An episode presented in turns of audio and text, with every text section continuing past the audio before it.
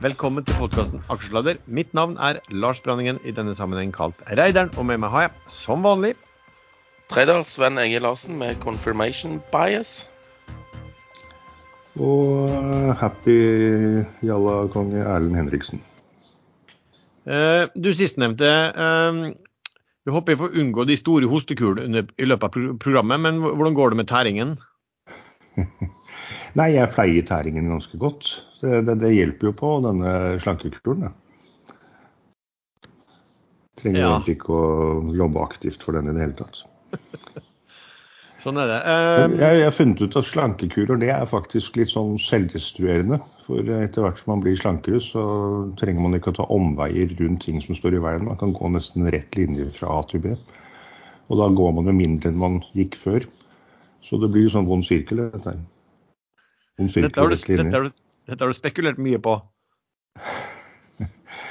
Nei, det var bare noe som slo meg her om dagen. Eh, Er det du liksom kan- at du kan gå strake av veien rett fra sofaen og til kjøleskapet, eh, istedenfor å gå om eh, rundt bordet, på en måte?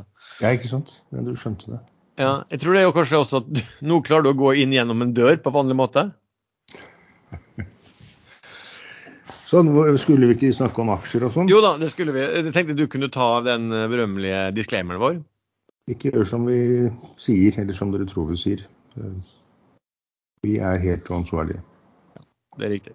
Eh, vi gir ingen råd dersom du hører på hva vi sier her om markedet, aksjer, enkeltaksjer og livet for øvrig. Er ansvaret altså helt og holdent ditt eget. Det kan forekomme feil i det vi sier i programmet. Panel og panelgjester kan være lang, kort, direkte eller indirekte eksponert i aksjer, selskaper og produkter som omtales i programmet, og vi gir ingen anbefalinger. OK. Um, hva, hva skjedde i påska, folkens? Sven, hva gjorde du i påska? Jeg var i Sirdalen og eh, gikk en eh, relativt kort skitur. Eh, hadde fint vær og uh, drakk mye Solo Super og spiste litt Kvikk Lunsj. Uh, og hadde litt besøk og, og ja, egentlig veldig grei påske. Du da, Erlend? Eh, Jeg hadde hjemmepåske i Oslo fordi jeg fikk besøk av min eldste sønn som bor i London. Og hans, hans kommende kone, min kommende svigerdatter. Så da ble det Oslo-ferie. For min del så var jeg i deler av påsken i Molde på familiebesøk. Og der var det jo fint vær også, så det var, det var hyggelig. Syns de også det var hyggelig? Nei, det er jo alltid mer tvilsomt, selvfølgelig. Uh, nå er det jo et par uker siden sist, men det har jo vært en del fridager også. Få høre, Sven, hva, hva har du gjort i uh, ja, de to ukene siden forrige episode?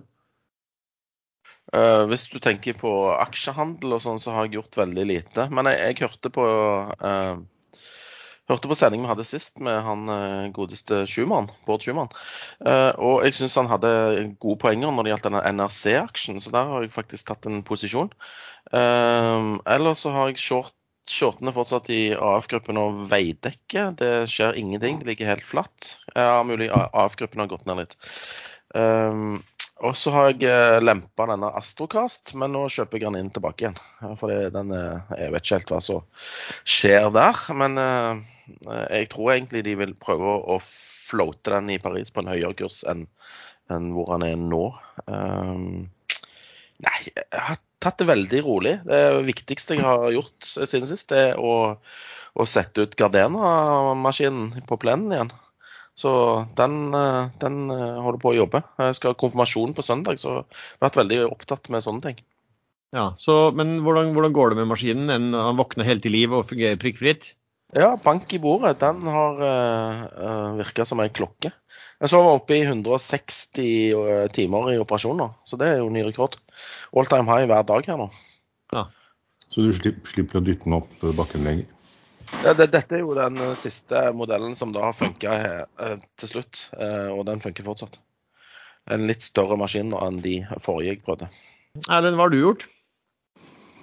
Nei, nå har det jo vært eh, påske, så jeg har egentlig gjort eh, minst mulig. Men jeg følger med på Jeg følger egentlig mest med på makronews akkurat nå. Eh, Det begynner å bli ganske mange eh, steiner i den kjerra bak den hesten som begynner å bli sliten. Så plutselig ryker akslingen her. Jeg holder meg unna alt jeg ikke har stor tro på og kanskje kan gjøre en, et skikkelig jalla løft. Det hjelper liksom ikke å sitte i Norsk Hydro hvis, uh, hvis uh, hele markedet tryner 30 selv om det er en bra aksje. Da er det jo overraskende nok for min del jeg som har gjort, virker som har gjort mest, da. Hvis ikke Sven tilbakeholder som vanlig en del transaksjoner. Um, jeg har jo hatt en veldig stor posisjon i Norway Royal selv, men den uh, ble jo veldig bra når, også når de nedstemte dette emisjonsforslaget. Så den gikk opp på, ja, godt opp på 240-tallet. Eh, så da har jeg redusert den posisjonen eh, ja, ca. halvert den. Litt mer enn halvert den, faktisk. Um, men den er fortsatt ganske, ganske stor. Jeg ser jeg har vært inn og ut i eh, African Energy. Jeg har vært inn og ut i Doff. Jeg har solgt meg ut av Noreco. Um, så eide jeg jo noe, no, ikke sterk, så eide jeg jo den. Der kom det jo en melding, og den kom vel da hvis jeg husker riktig, så kom den vel på onsdagen ved inngangen til påsken. Eh, og da, der var det at politikerne nå faktisk vedtok eh, dette at de eh, ikke skulle få lov til å utvinne noe sånn, sånn, endelig, og også vel hvilke type erstatninger de skulle komme. Eh, og akkurat når den meldingen kom, den ble, den ble posta, denne artikkelen ble posta på Ekstrainvestor, og da så jeg den, så da fikk jeg pælma ut mine aksjer der på 1,83 ser jeg, og den har jo falt nå ned til 1,50. Det, det, var faktisk en god del timer, eller egentlig en halv dag, der, der man kunne selge den aksjen egentlig før selskapet selv meldte det, og det kom i media. Um, sånn sett. Hva har jeg ellers gjort? Jeg har faktisk kjøpt ser jeg trada litt Agelix inn og ut. Jeg har kjøpt noe som spenn. Astrokast. Og så har jeg gjort en ting i eh, to andre selskap som jeg heller kan snakke om eh, mot slutten av sendingen, når vi snakker om litt om favoritter og, og teser og litt den, den, biten der, da. Så ja, ganske aktiv. Da, emisjoner, nedsalg, debutanter, Sven, har det vært noe å følge med på? Husker ingen, jeg. Jeg ser at det har kommet en ny aksje på børs i dag som heter Waste Plastic eh, Upcycling, er det det heter? Dansk selskap som driver på Er det sånn Quantafuel-klone-opplegg? Agilix Quantafuel Prime-sak? Eh, jeg har ikke sett så nøye på, men jeg bare så noen headlines også som tyder på at de er i det området der, ja. ja. Jeg så at de skulle hente mellom 25 og, og 100 millioner kroner. Uh, via Pareto, var det vel. Og så fikk de henta 27. Fikk tre norske aksjonærer på, på, listen. Det er jo fantastisk bra jobba. Men jeg kan ikke huske at uh, noen fra Pareto ringte meg på det caset. da. Så jeg vet ikke om de ringte deg eller sånn, men det var veldig stille i, i, i, i leiren der. Ja, altså de hadde vel, de gikk vel ut der selskapet og skulle hente altså For det første er jo rangen eh, nesten litt vanvittig. Du skal hente mellom 25 til 100 millioner. Eh, hva, hva, trenger du egentlig pengene til? Eh, og så eh, var det jo sånn at de, de, skrev vel at de hadde commitment fra 25 millioner når de, gikk, når de, når de offentliggjorde sin IPO. og så da, så da, fikk de i tillegg til det så fikk de altså inn kun 2,7 eller ja, 2,3 millioner eller et eller annet sånt. da, Hvorav fra tre norske. Så noe sånn voldsom interesse var det jo ikke. Men den har jo åpna bra på børsen. da. Jo, men har du sett volumet? Det er omsatt ja. uh, 27 000 aksjer. Ja, uh, aksjekursen er opp 17% så det er jo hyggelig, det. Men uh, til og med de tre norske skal jo få slite med å komme seg ut i pluss, da. så Den var faktisk oppe i 22, på det, så den ble dratt opp 40% på, på noe på, som du sier, da, helt minimale eh, nivåer også. Astrokast, som vi nevnte, har jo kommet med en plan om at de skal hente penger. Men den ligger vel ganske langt fram i tid, sannsynligvis. Ja, mulig. Eh, og så kom det melding om at Sidrill har søkt notering på Oslo Børs. Nye Sidrill. Så det blir jo sikkert en hit. Før han blir shit. ja, nei, Sidrill så jeg at Pareto hadde vel initiert noe dekning i dag med kjøpsanbefaling og, og et kursmål på hva var det, 47 dollar eller et eller annet. Det sier meg ingenting. Men handles det noe i sånn gråmarkedet, Sven? Vet du det, eller? Jeg vet ikke, jeg bare baserer meg på opplysningene fra denne her eh, Pareto-kommentaren som sier at han handler rundt 29 dollar. Ok. Og det er på linje med disse Valaris og Nobel-verdiene. altså implisitte riggverdier.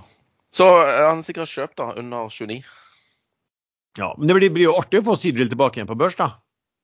Ja, men han ble ikke sånn gjalla, da. I og med at han handler på 29 dollar, så er det skyhøyt over sånne gjallanivåer. Så jeg vet ikke hvem som skal trekke den opp, da. Nei, Jeg husker ikke hvor mye som er konvertert der også, men eh, market capen på den blir vel også mye mer enn en, en, en, en Jalla market cap, for å si det sånn. Ja. Men eh, de, de restrukturerte, jo, restrukturerte jo sist gang, og da kom det jo masse aksjer for disse b- båndholderne.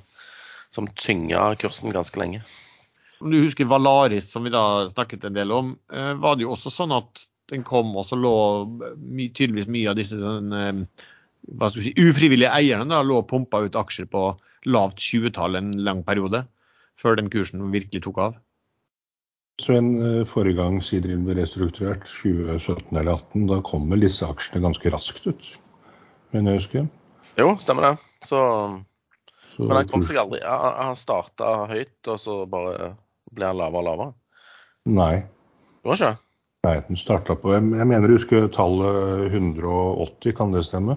Og så ramla ned til eh, rundt 160. eh, Hvor du allerede på forhånd hadde sagt at der ligger eh, smerteterskelen.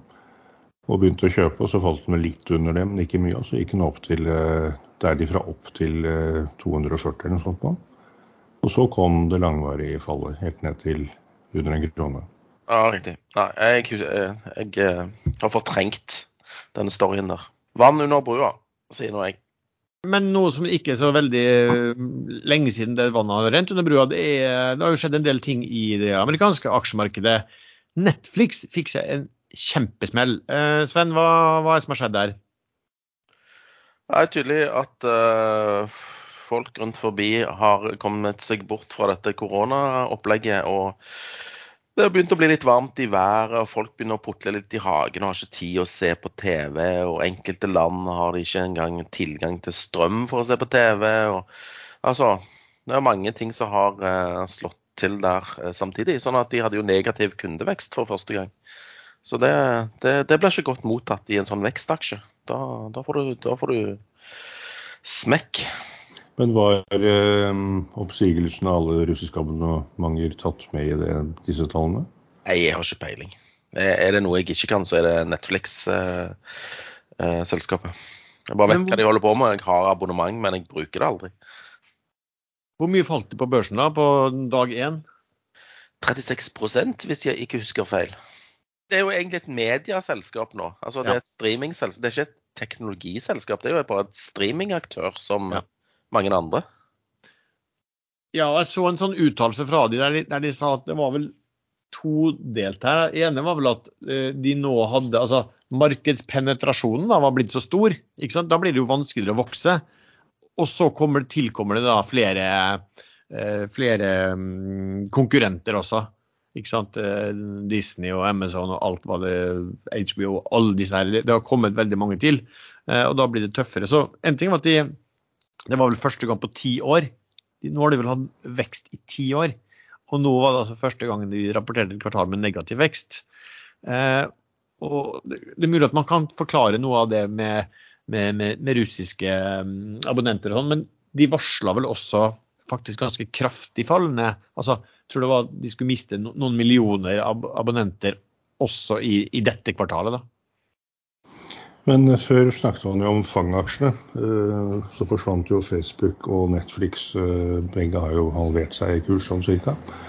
Så da er det mm, Microsoft, Apple, Google og Amazon igjen. Og da blir det ikke Fang, men Fang, Fang the Knife. Maga. Maga, ja. Maga.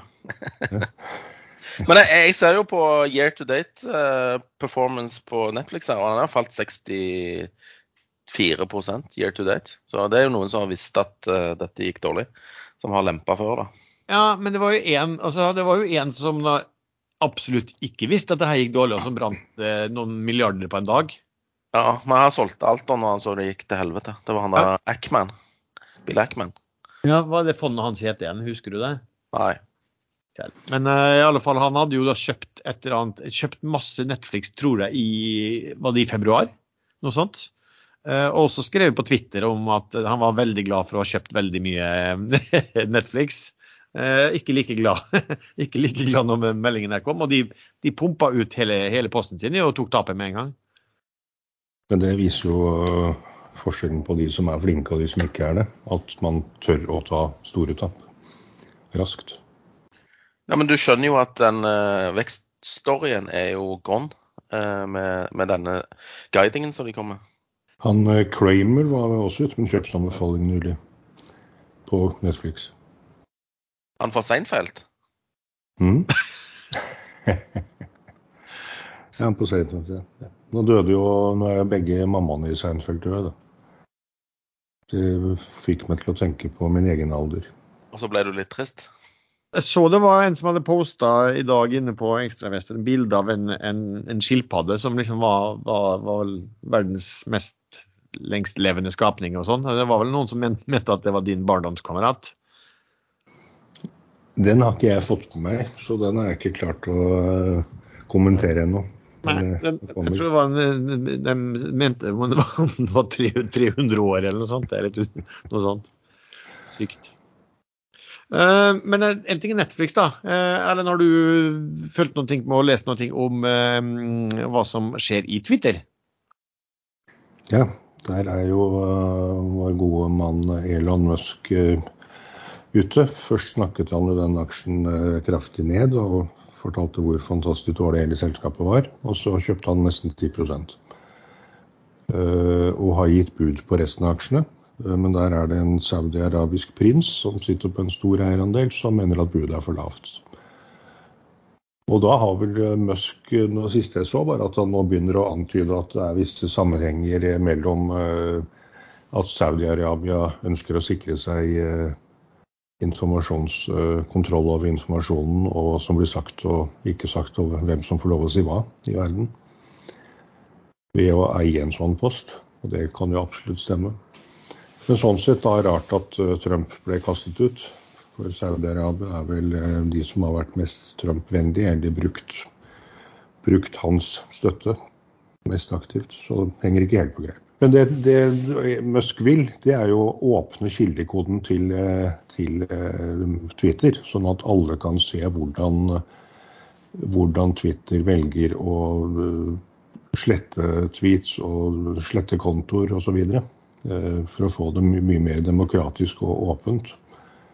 Og så gjør det veldig, veldig mye vanskeligere å i det hele tatt eh, sensurere bort meninger. Og det vet jeg ikke helt om jeg syns er så smart i dagens verden, hvor fake news er eh, mildt sagt på fremmarsj.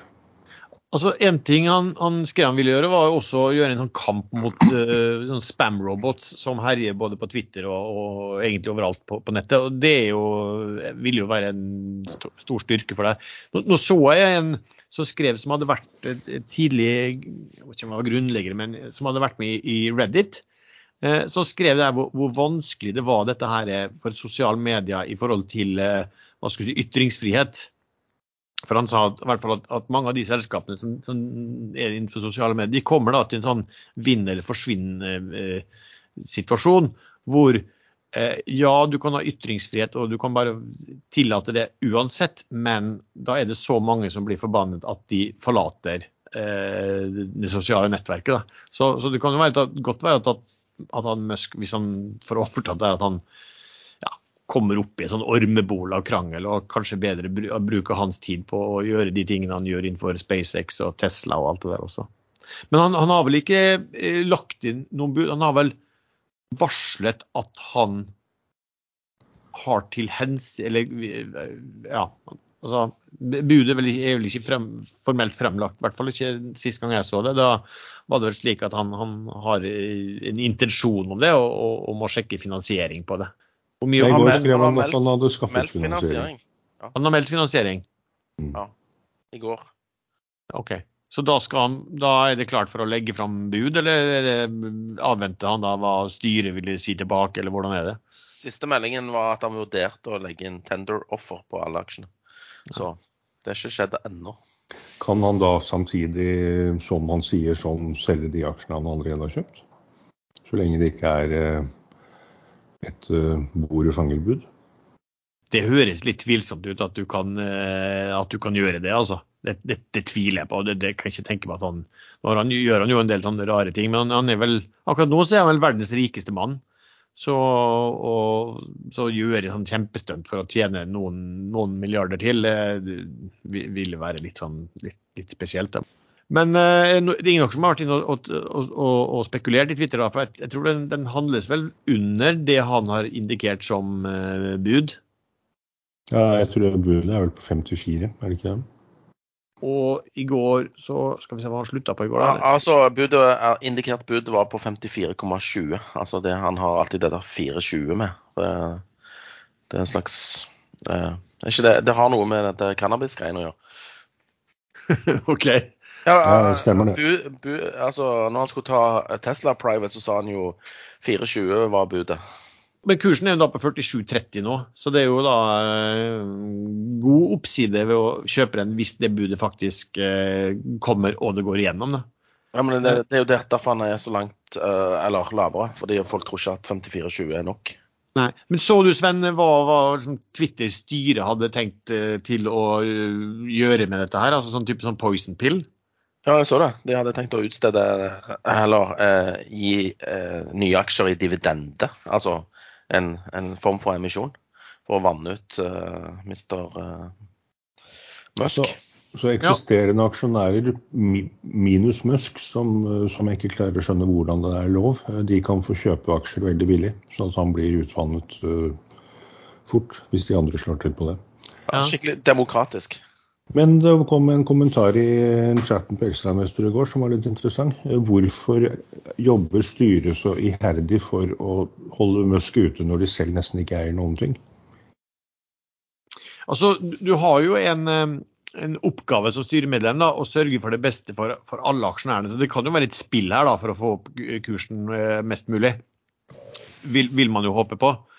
Men, men, det er jo veldig spesielt dette her med at du skal begynne å eh, gi spesielle eh, fordeler da, til, til, til, til alle aksjonærene utenom han som har kjøpt seg opp til eh, ca. 15 eh, Det er jo ikke som sagt, demokratisk eller i tråd med, burde være i tråd med noen som helst eh, spilleregler. også. Så det kan jo ende med at altså, sånn, så kan det jo ende med at han bare sier at uh, beklager, jeg, jeg, trekker budet mitt. Og, og, og, i verste fall for Twitter beklager, jeg, trekker budet mitt. Jeg starter en konkurrent som heter det og det.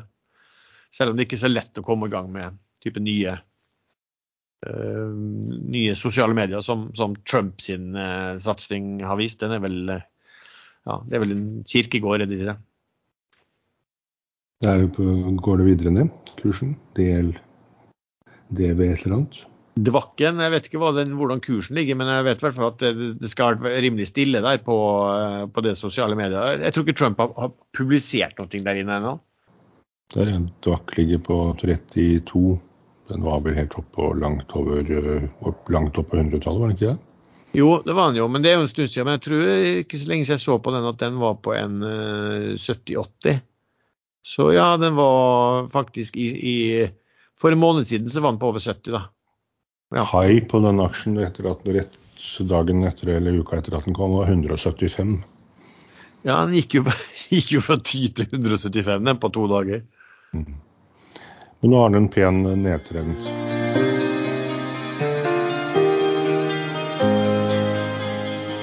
Dette er en melding fra vår hovedsponsor Skilling, som er en skandinavisk eid CFD-megler.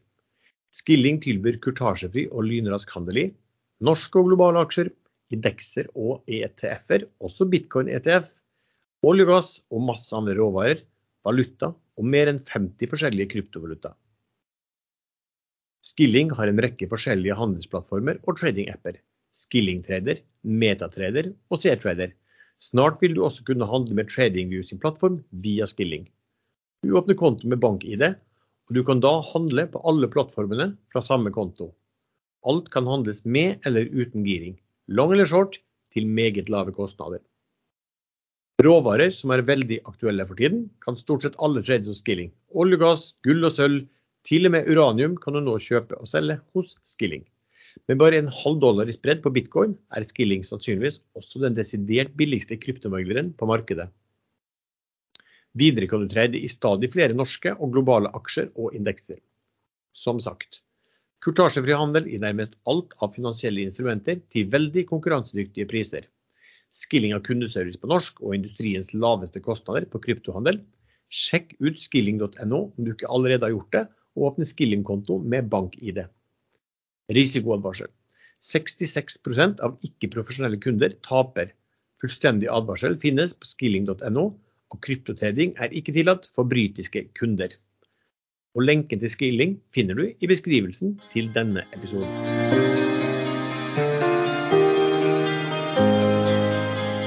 Du, et annet selskap da vi har eh, snakket litt om, eh, en del om, Petronor pga. Uh, ja, at, at topplederen ble, ble ja, han ble vel sikt, siktet for, for, grov korrupsjon.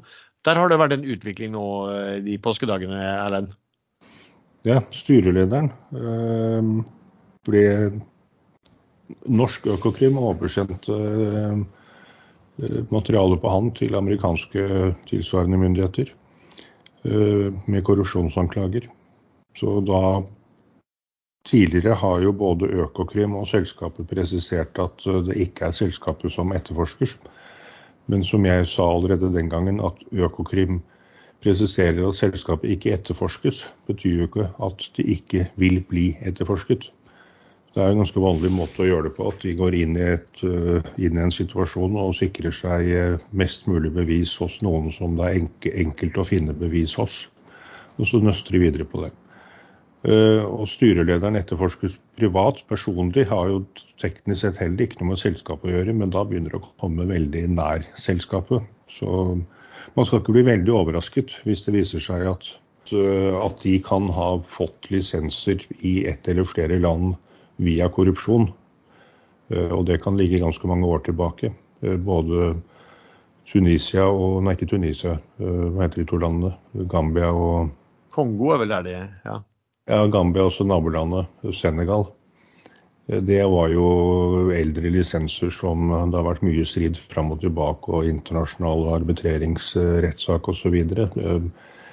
Begge landene har vært eh, kjent for dyp korrupsjon, og han som sto bak lisensene i det gamle forløperen til Penor, eh, Frank Timmis, han var jo mildt sagt beryktet eh, for å havne opp i korrupsjonssaker hele tiden. Så så det er et selskap som jeg ikke rører i det hele tatt, og egentlig knapt nok følger med på. Så hvis noen mener at informasjonen er feil, så får de beskjed om det, og så skal jeg rette opp i neste program.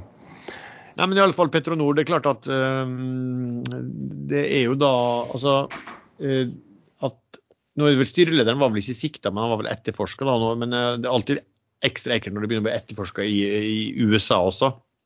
Så det er klart at det, her, det er jo, det er jo Altså, jeg så litt på tallene her, så det er klart at vi, hvis, det, hvis det ikke er noe som på en måte vil involvere selskapet og ikke får noe følge for selskapet, så, så, så ser jo de ganske rimelige ut på, på inntjeningen sin. Eh, men det er klart, nå er det, nå er det også en stor usikkerhet på, rundt, eh, rundt selskapet.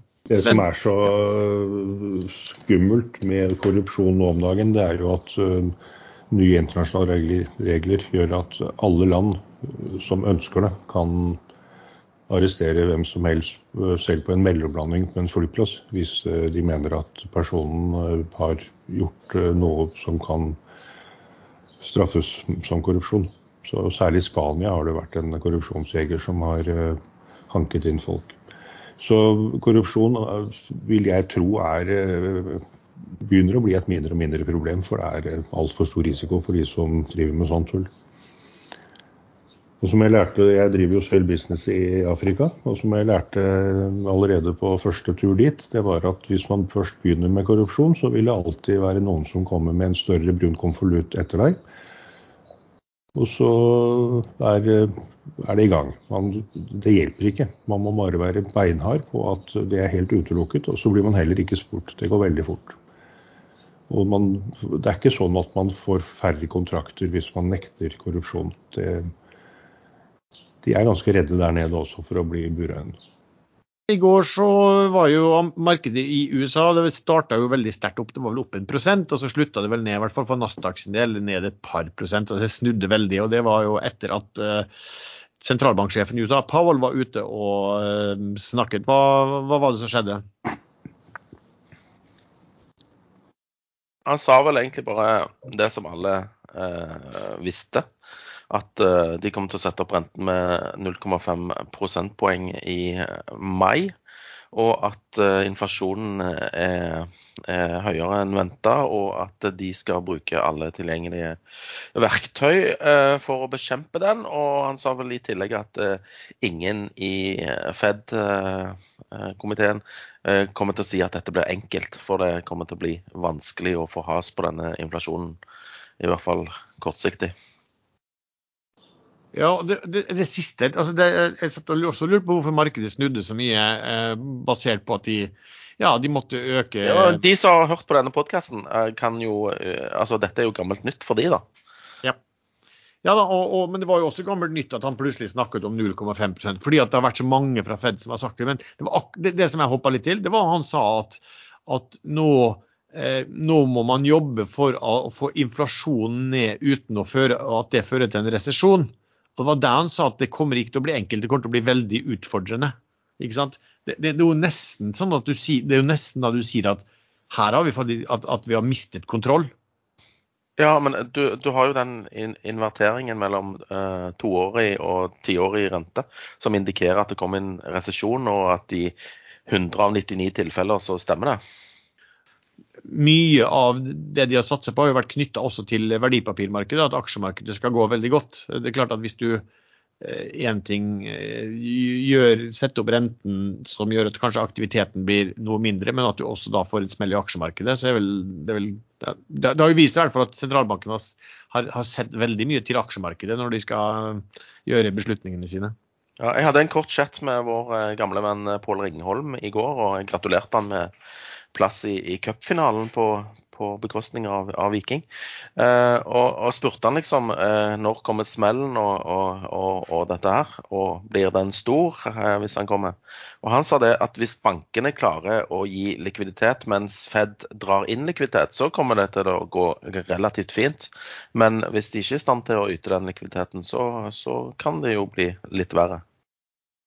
Det, det, har jo vært eh, spørsmål om det her knytta til det også. At, at, begynner vi nå å se en situasjon Vi har jo snakket veldig mye da, de siste par årene om Tina. Altså 'there is no alternative'. Du, du, det er ingen der. du får avkastning på pengene dine utenom i, i, aksjemarkedet, for det har vært nullrente. Men nå begynner jo renten å, å, å stige kortsiktig og, og, langsiktig. Begynner vi å komme i en situasjon Sven, hvor det er et alternativ? There is an alternative. There is an alternative. Hva blir det, da? Ja, Tida, da. Tida. Ja, det er kanskje tida for det nå. det var dårlig. Det var dårlig. Uff. Nei, eh, ja, selvfølgelig. Altså, det, det, begynner jo å bli et alternativ. Men altså, hvis du ser på eh, avkastningen i aksjemarkedet de siste ti årene, så, så, er vi jo ikke i nærheten der med 3 eh, rentenivå. Altså, aksjemarkedet har jo outperforma så det holder. Men vi får se. Det er jo masse likviditet der ute fortsatt, så hvis det, det, den kan parkeres til en hyggelig renteavkastning som gjør at du ikke taper altfor mye pga. inflasjon, så, så, kommer nok det til å bli et alternativ. Ja, for det er jo sånn at selv om, de, selv om du skulle få rente på 3 eh, så lenge inflasjonen er på 6-7-8 eh, så, er det, så er det jo et rent tap. Ja, det er jo derfor det er logisk at rentenivået må opp. Sånn at du får en, en nøytral eh, nett, Hva det heter denne realrente? Ja, realrente. Nøytral. De har vel sagt til og med at de, den burde kanskje være svakt positiv realrente også, sånn at du faktisk får en avkastning. For de som lurer på hva realrente er, så er det egentlig ja, hva er det? rente minus inflasjon. Ja, nominell rente minus inflasjon. Men hvis rentenivået går opp til rundt 3% så er jo ikke det attraktivt eh, å trekke penger ut av aksjemarkedet og inn i rentebærende papirer så lenge inflasjonen er eh, minst dobbelt så høy. Og den kan jo fort bli på tosifret i prosent i løpet av året. sånn som verden ser ut nå? Uh, nei, ikke kort. Ikke, ikke, men klart at hvis du kjøper hvis du, hvis du kjøper, Jeg vet ikke hvor lange de er, 30-årige sånn obligasjoner og den typen der. Hvis du, hvis du begynner å få ganske bra rente på, på veldig langsiktige, så det jo det å bli mer interessant. Spesielt hvis du tror at det, hele inflasjons og alt det som skjer nå, gjør at det, at det vil komme en resesjon. Um, en annen ting som, som, ofte skjer, er at du har jo det som heter en rebalansering. og nå har vel de um, eh, obligasjonsprisene har jo falt eh, ganske mye eh, fordi at renten stiger. Og du har jo altså alle disse fondene som, de, som sier at vi må ha så og så mye penger i, i, obligasjoner, og vi må ha så og så mye penger i, i aksjer. Og når obligasjonsprisene faller, så kan det jo være at de må begynne å balans, rebalansere litt. At, eh, at, de må putte mer penger inn i rentepapirer, og da per definisjon mindre i, i aksjemarkedet. Men det har vi vel egentlig ikke sett noe sånn tegn på. Jeg har ikke sett noen særlig skriverier om at det vil foregå heller. Men eh, Erlend, hva, hva, ja, hva, tror du vil eh, skje sånn markedsmessig, da, nå, nå som de skal eh, øke renten ganske betraktelig i løpet av året? Hm. Nei, Dette er liksom sånn én stein til oppi denne kjerra som blir tyngre og tyngre, og til slutt så brekker aksjelengen. Det er veldig mye negativt som skjer nå. Men jeg vet ikke om det kommer til å medføre at folk trekker penger ut av aksjemarkedet. Tenker du, Sven? Jeg tenker, Hvem er det som har på denne fuglekvitteren i bakgrunnen? Det er så varmt i Oslo nå, så jeg måtte lukke opp verandadøren. Ja, det er du som har eh, Twitter i bakgrunnen. Er ikke det koselig? Jo, jeg syns det var veldig, veldig koselig, faktisk. Jeg, jeg, jeg satt og lurte på om at det var en sånn eh, lyd vi skulle, lydeffekt vi skulle lagt på sjøl når vi snakket om Twitter, liksom. Ja, ja, ja. Veldig bra, Ellen. Nei, Jeg har et par svarttroster som sitter i noen store, fine trær rett utenfor huset. Og så har jeg et par ringduer som innimellom lager noen koselige lyder brevduer, da. Eh, har du slutta med det, eller holder du på fortsatt? Nei, jeg har gått litt videre fra brevduer. Jeg har begynt med rørpost. Ja. Dette er sånn fra gamle dager. Det er han, vet, han som hadde sånn natur... Sverre M. Fjelstad heter han, som har sånn naturprogram på NRK. Nå har vi også begynt med det i podkasten vår også, med live fuglekvitring. Men jeg er litt skuffet over den ståmikken, at den ikke dreper sånne lyder. Da. Jeg mener at den er innstilt på, på det. Ja, ja. Men hva, hva fugl er det vi hører her i bakgrunnen? For de ornitologiinteresserte. Det er høyst sannsynlig en svarttrost, men jeg har på meg sånne ørepropper på begge ørene, så jeg hører faktisk ikke disse lydene dere snakker om. vi, vi hører det ganske godt. Uh, apropos, um, når vi snakker om Fed, så så jeg det var en uh, Bank of America. De bruker å ha sånne undersøkelser blant uh, fondsforvaltere. Og der var det to, to tredjedeler av de som trodde på stagflasjon i framtiden, altså lav vekst, fortsatt høy inflasjon. Og så sa de vel at, ja, ikke overraskende, at de, de mest crowded areas som, som, de trodde de fleste var inne i, det var long oljeråvarer og short amerikanske statsobligasjoner. Så det har vi jo sett en del til. Eh, så har vi også fått da, eh, som alltid, noen eh, spørsmål. Og et av de spørsmålene er da altså hva, Hvordan vekter panelet sine handler?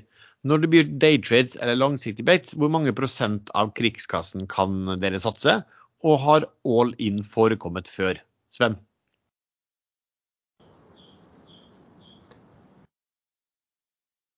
Jeg måtte bare høre litt på det deilige fuglekvitteret eh, til Erlend. Veldig bra. Jeg ble sånn Jeg føler meg i harmoni her nå med naturen. Uh, ja uh, nei, uh, ja. I early days så forekom all in, og det funka til dels dårlig enkelte ganger. nå, når du har fått litt mer penger, så, så hva skal en si, da?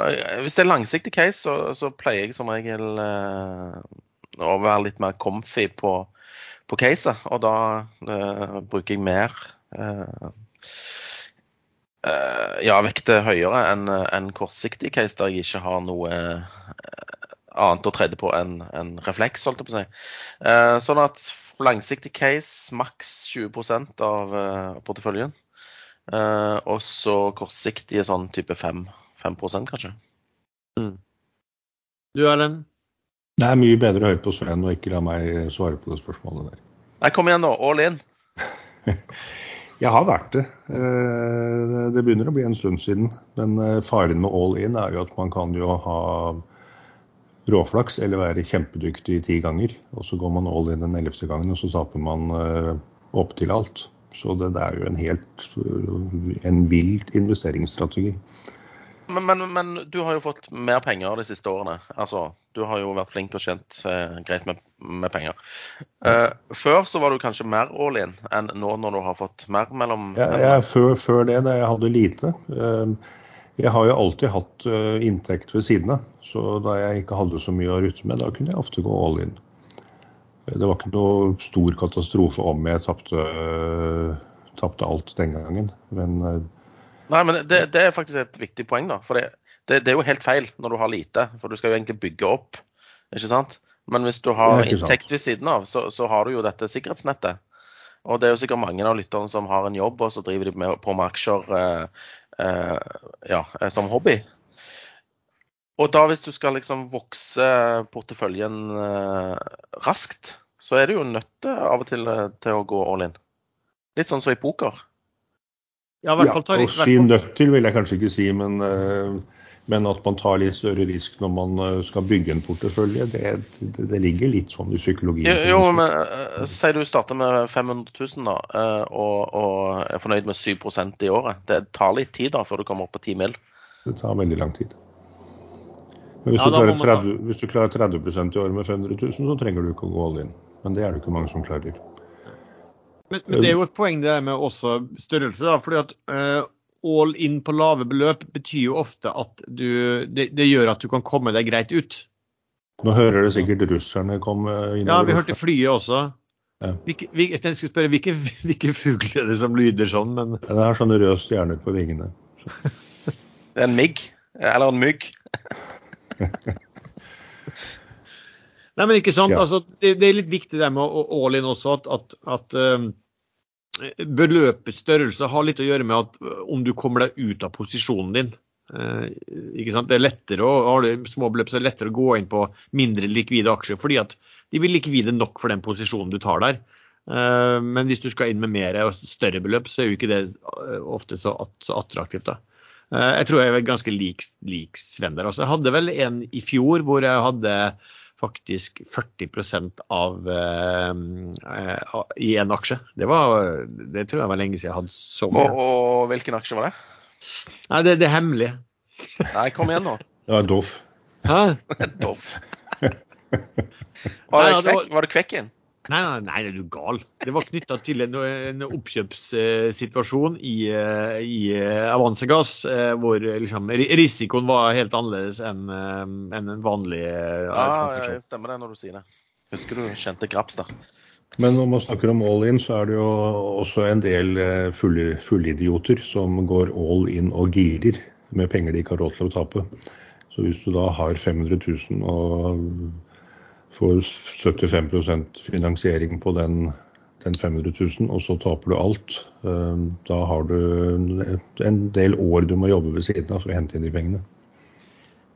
Ja, altså all in er jo når folk skriver det, så blir man jo litt, eh, litt skremt ofte. Da. Hvis du fortsetter, hvis det er en strategi som fortsetter, i hvert fall, så, så ender du jo opp med, ofte med fordervelse. Pluss at du vil jo få en del smeller på den situasjonen. Og når du går på sånne smeller, så er det jo kanskje ikke alltid så lett å bare kvitte seg med det, kaste seg ut og komme seg videre. Da blir man kanskje litt eh, Ja, det blir ikke så lett å se muligheter i markedet, i hvert fall i en periode.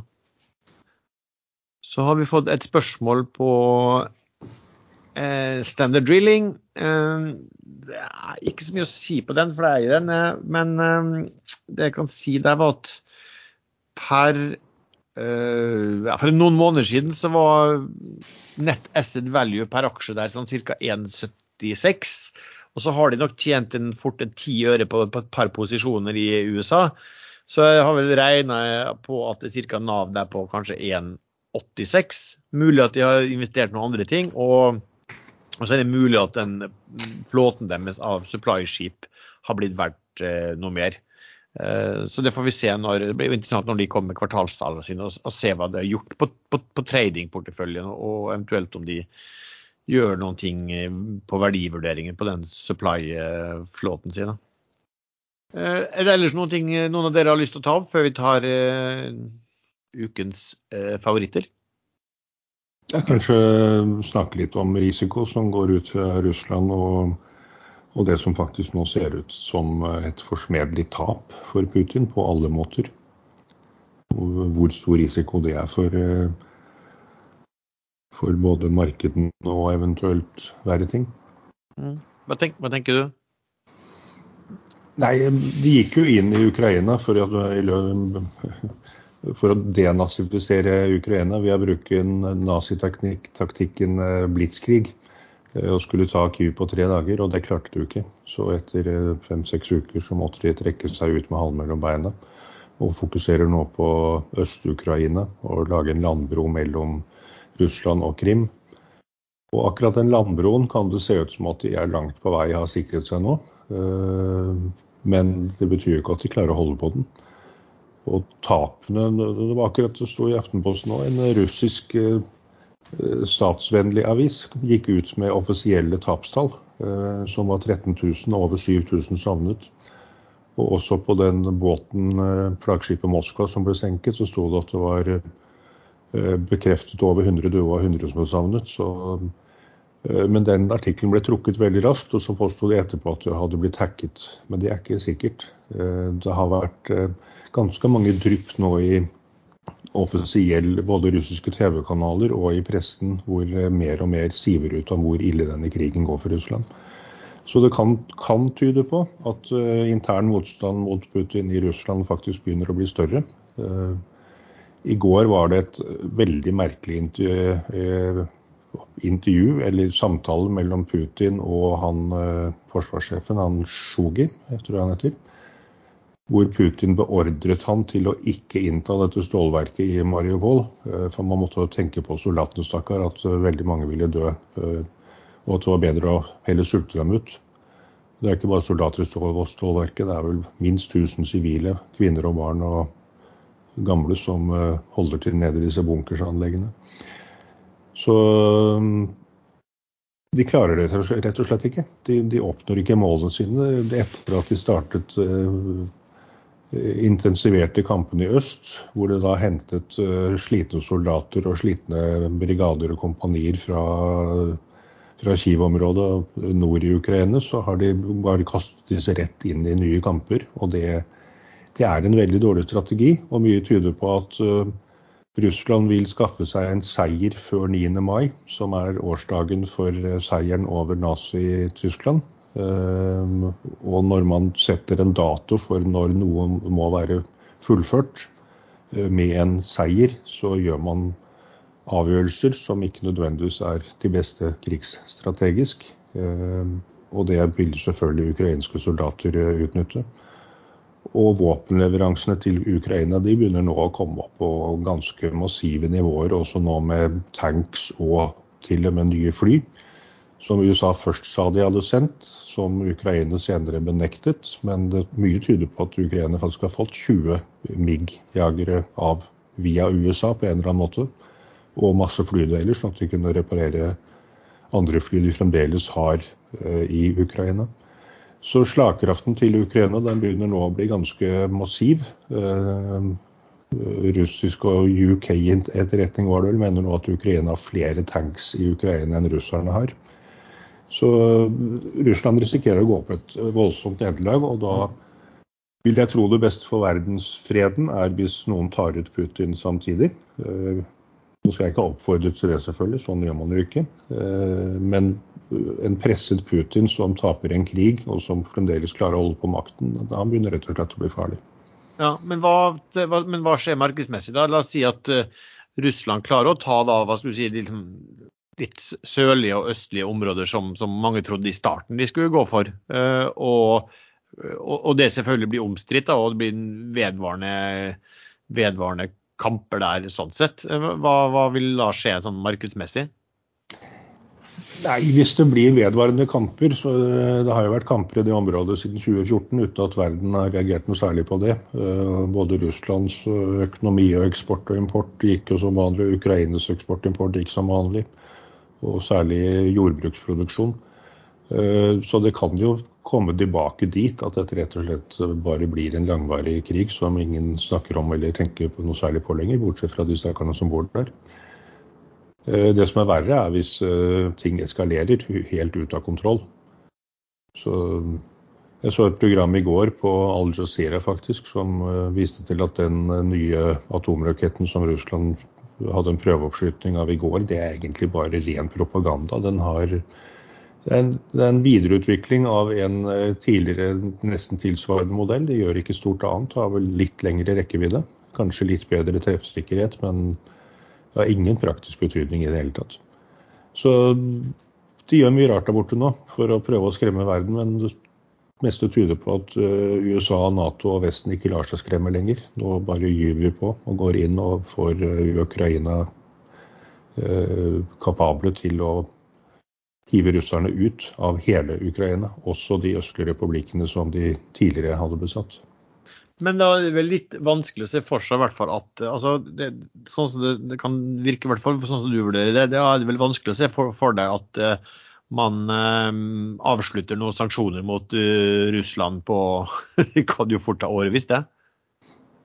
Ja, jeg tror ikke de blir avsluttet før Putin eventuelt er fjernet. Mm. Og det kan ikke Vesten gjøre, det må skje innenfra.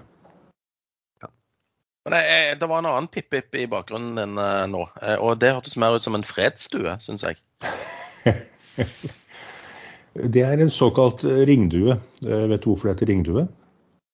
Det er fordi de har sånn ring på foten? Nei.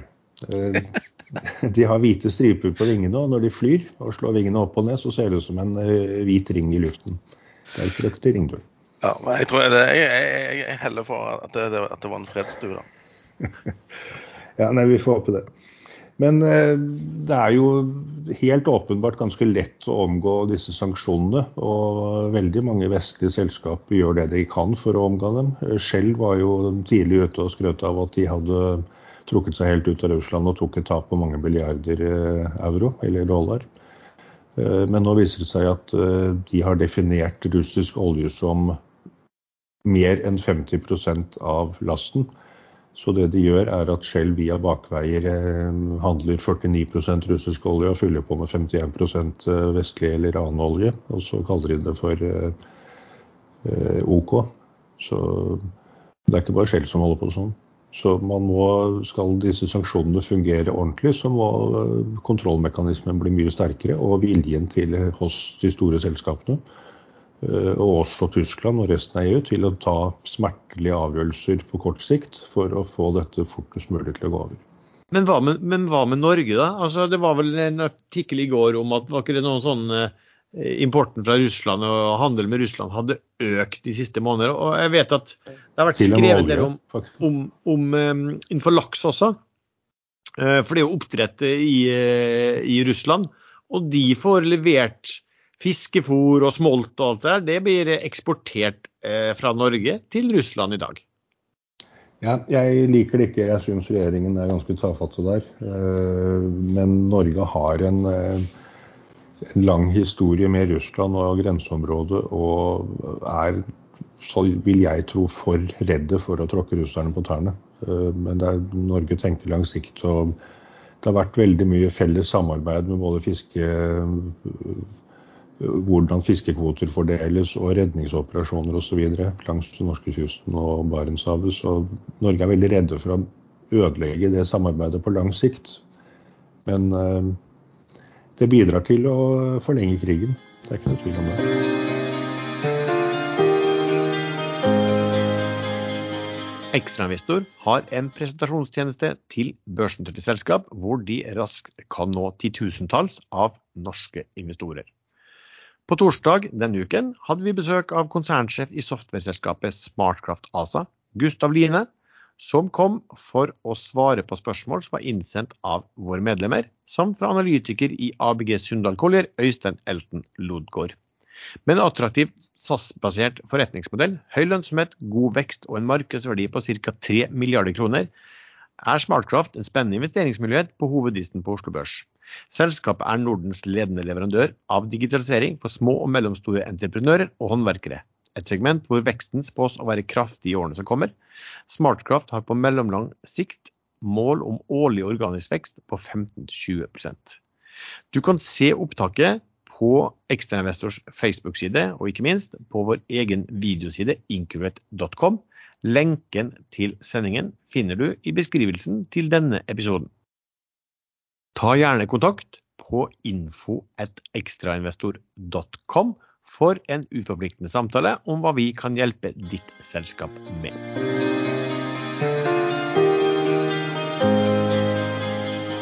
Ok, eh, Sven, få høre. Har du noe, noe spesielt du ser på for uken som kommer?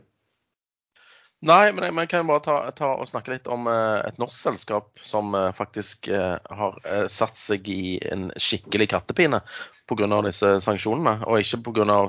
Uh, at de har en avtale med et russisk leasingselskap der de liksom har leasa disse her kystruteskipene sine fra. Men pga. sanksjonene så er det ingen som vil forsikre de båtene. Altså Jeg snakker om Havila kystruten, som da ligger i, til kai i Bergen og ikke får lov å seile pga. manglende forsikring. Uh, så ja. Og, og, de må da refinansiere skipene hos en annen finansiell aktør. For de har ikke råd å kjøpe de sjøl. Så det er jo skikkelig, det kan jo gå skikkelig gale.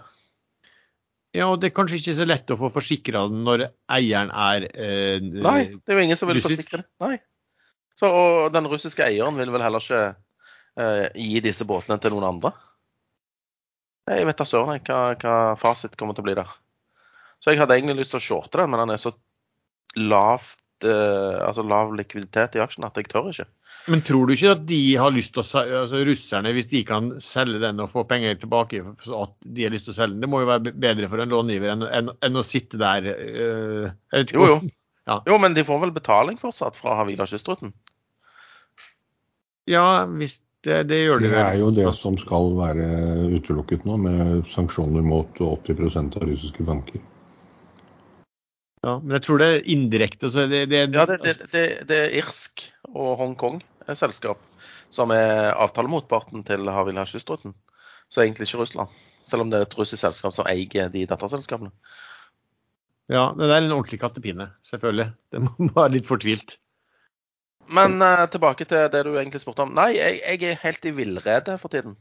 Um, så jeg bare sitter her og gjør lite og venter på at uh, en retning skal Ja, at det skal komme en retning. det har jo vært litt sånn opp og ned og mer volatilitet, så det, det går jo fortsatt an å trade. Men jeg har ikke peiling på hvor markedet skal neste uke, liksom. altså, det er for mye usikkerhet. Derfor gjør jeg veldig lite og trader litt sånne ja, øh, ekstreme bevegelser ene eller andre veien. Så jeg, jeg tar det rolig og har, har på hjelm. ja. Du har en Nei, jeg fortsetter med det samme. Jeg har den uh, ene lille posten min i Sena. Eh, der kom det melding i dag. Nå har de løftet olje. Ikke 114 000 fat som de sa, men de løftet 62 000 fat og fikk 103 dollar for det. Så det viste at det var ikke noe lokalsalg denne gangen. 103 dollar for eh, fatet, det er vel ganske, ganske nær markedspris. 106 er den på nå. Eh, men de meldte samtidig at de resterende 52 000 fatene av, av de 114 de allerede hadde meldt at de kommer til å selge, de skal de selge i juni. Så jeg lurer litt på om eh, Sena faktisk spekulerer i at oljeprisen skal videre opp. I og med at de selger da neste, eller 40 ca. litt senere i år. Eller at det bare er rent praktiske årsaker at, uh, at, denne oljen ligger på to forskjellige steder i Tunisia. Kanskje, Men, den, bå kanskje den båten ikke hadde plass til mer enn de 60 000 fatene? Det er også mulig. Så, For det kan jo ikke være supertanker akkurat? For det er jo plass til en million fat. Ja, ikke sant. Ja. Nei, Tunisia ligger jo rett på andre siden av uh, Italia sånn sett. Så, og der har jo Sena disse gassforekomstene sine som de produserer strøm av, og selger uh, for rundt 30 mil i året. Og markedcapen nå er på 220 mil. Så, og nå solgte de olje for 6,8 millioner dollar, og selger vel da de neste for rundt 5 millioner dollar. Så det begynner absolutt å bli litt interessant hva som skjer i det selskapet. Og de gjentok i dagens børsmelding at de skal bore, både kjøre workover på eksisterende rigger, brønner i Tunisia, og skal bore sidetracks og nye brønner. Og komme, håper å komme opp på 1000 fat i løpet av relativt kort tid. I løpet av året er det vel. Og det er en dobling fra dagens antall. Ja, nei, jeg holder den. Jeg ser ikke så stor nedside. Uh, og så får man håpe at uh, at alt som sies og håpes på, faktisk skjer. Da kan dette selskapet bli mye mer interessant enn mye annen smallcap-olje på børsen. Ok, ja, altså det er også det at man har som, som er i villrede, og så sitter man og har sine, eh, sine case. Eh, en som jeg tenkte jeg skulle nevne, eh, det er um, en, en triangelfusjon som skulle skje. Altså, Det er alltid greit å se litt på noen spesielle typer hendelser. Og det er jo sånn at eh, Aker, eh, Aker Horizon eh, de skal eh, fusjonere inn eh, Aker Offshore Wind og eh, Aker Clean Hydrogen. Og så er det jo et bytteforhold mellom disse. som gjør at man kan regne ut prisen. Og sånn som det har vært da, i noen, noen, dager, så har det vært slik at eh, Aker Clean Hydrogen og Aker Offshore Wind har vært prisa ca. 7% under det, dette bytteforholdet. Eh, som betyr at eh, man, man, snakker vel om at det her skal være gjennomført i løpet av juni. Og det betyr også at du kan tenke deg en viss form for arbitrasje. Altså, Sjansen for at en, en, foreslått fusjon ikke skal bli av, er jo alltid til stede. Men her er det jo Aker som jo er storeier og kontrollerer disse selskapene fra før. Så den sjansen tror jeg er, er, er veldig, veldig, liten at det skal bli av. Så det man kan gjøre, nå, nå har det vel kanskje falt litt den, den uh, muligheten i dag, men jeg tror det, det, ligger vel fort rundt en 6 uh, differanse. Um, det har jo vært ene er jo rett og slett å kjøpe um, Aker Clean Hydrogen og Aker Offshore Wind, sånn som jeg har gjort. Eh, og tenkt da, for det var, det var vel oppe på 7,5% også, og tenkt at det betyr at OK, i løpet av to måneder så, så kan du tåle at Aker Horizon faller med eh, 7 for å komme i null. Og at hvis kursen ligger på altså hvis Aker Horizon ligger flat på to, to måneder, så gjør du 7 på to måneder. Som i dagens marked, det, det er egentlig veldig bra. Det, men det man også kan gjøre her, det er jo selvfølgelig å kjøpe Aker Clean Hydrogen og Aker Offshore Wind, og så shorter du Aker Horizon samtidig. Da har du på mange måter eh, tatt bort risikoen på, på, kursen på Aker Horizon og egentlig sydd inn den gevinsten, gitt at eh, den Eh, fusjonen da blir av, sånn, sånn, som jeg tror er stor sannsynlighet. Så akkurat den syns jeg er litt sånn litt morsomme greier å gjøre mens du sitter og venter på andre typer case. Det, det dukker alltid opp noe. Og, og her kan du også, som sagt, eh, eh, hvis du kan få en, en del prosenter med, med, lav risiko på noen måneder, så er det verdt å, å se på, i hvert fall. Hva koster det å låne inn disse Aker Horizons-aksjene, da? Jeg har, jeg har ikke, jeg har ikke shorta de ennå. Eh, men, men, du snakker kanskje om å låne det inn på to måneder.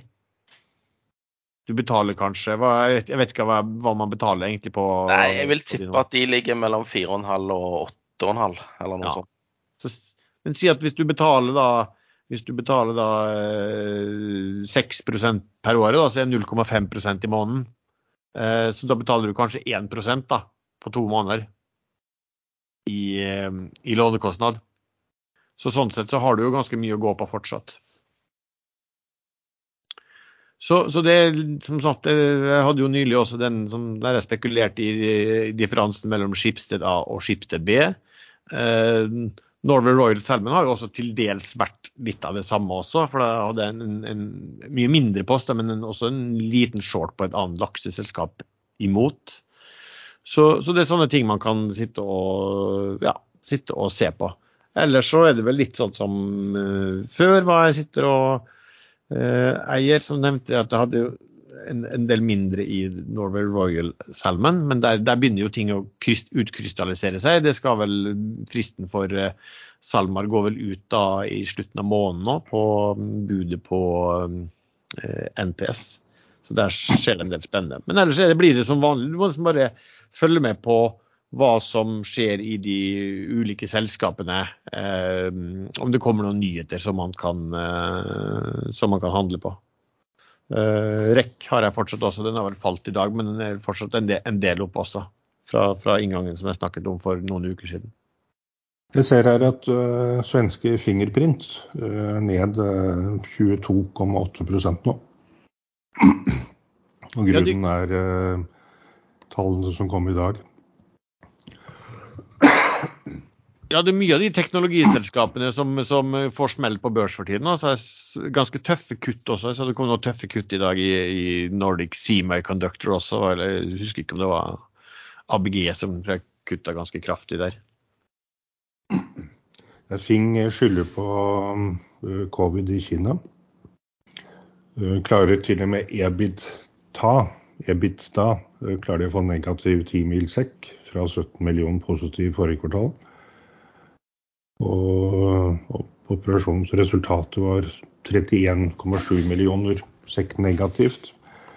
Så akkurat sånne high-tech-firmaer, Fingerprint, og da vil jeg Beklager.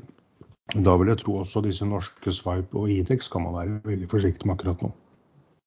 Men har de noen inntekter i Idex, da? Sånn sett er det vel ikke så farlig hvis de, hvis de ikke, har noen inntekter og ikke noe leveranse? Nei, Idex har meldt den ene um, pilot, piloten etter den andre. De har visstnok noe konkret i Sverige. Men det vil aldri bli stort nok til at uh, man kan forsvare markedskap på Idex. De må ut på internasjonale marked og sikre seg med store kontrakter, og der ser det ut som at svenske Fing tar alt. Nå tror jeg egentlig at din stemme høres såpass begrenset ut at jeg tror vi sier takk til de som har lyttet til denne episoden. Du treffer stadig oss tre inne på chatten på Ekstrainvestor. Eh, vi har også en egen gruppe på Facebook som heter podkasten Aksjesladder. Musikken er som vanlig laget av sjazz.com, og vi høres! Sånn. Du har skremt vekk Pip-Pippen òg. Det er ikke noe fuglekvitter lenger. Så det er, takk for det. Altså, for å si det sånn, fuglen blir skremt barn ser den, tenker jeg også, da. Og i tillegg lyden kommer òg. Men det er et sånn London-virus, og de skal man være forsiktig med, har jeg funnet ut. Ja, ja.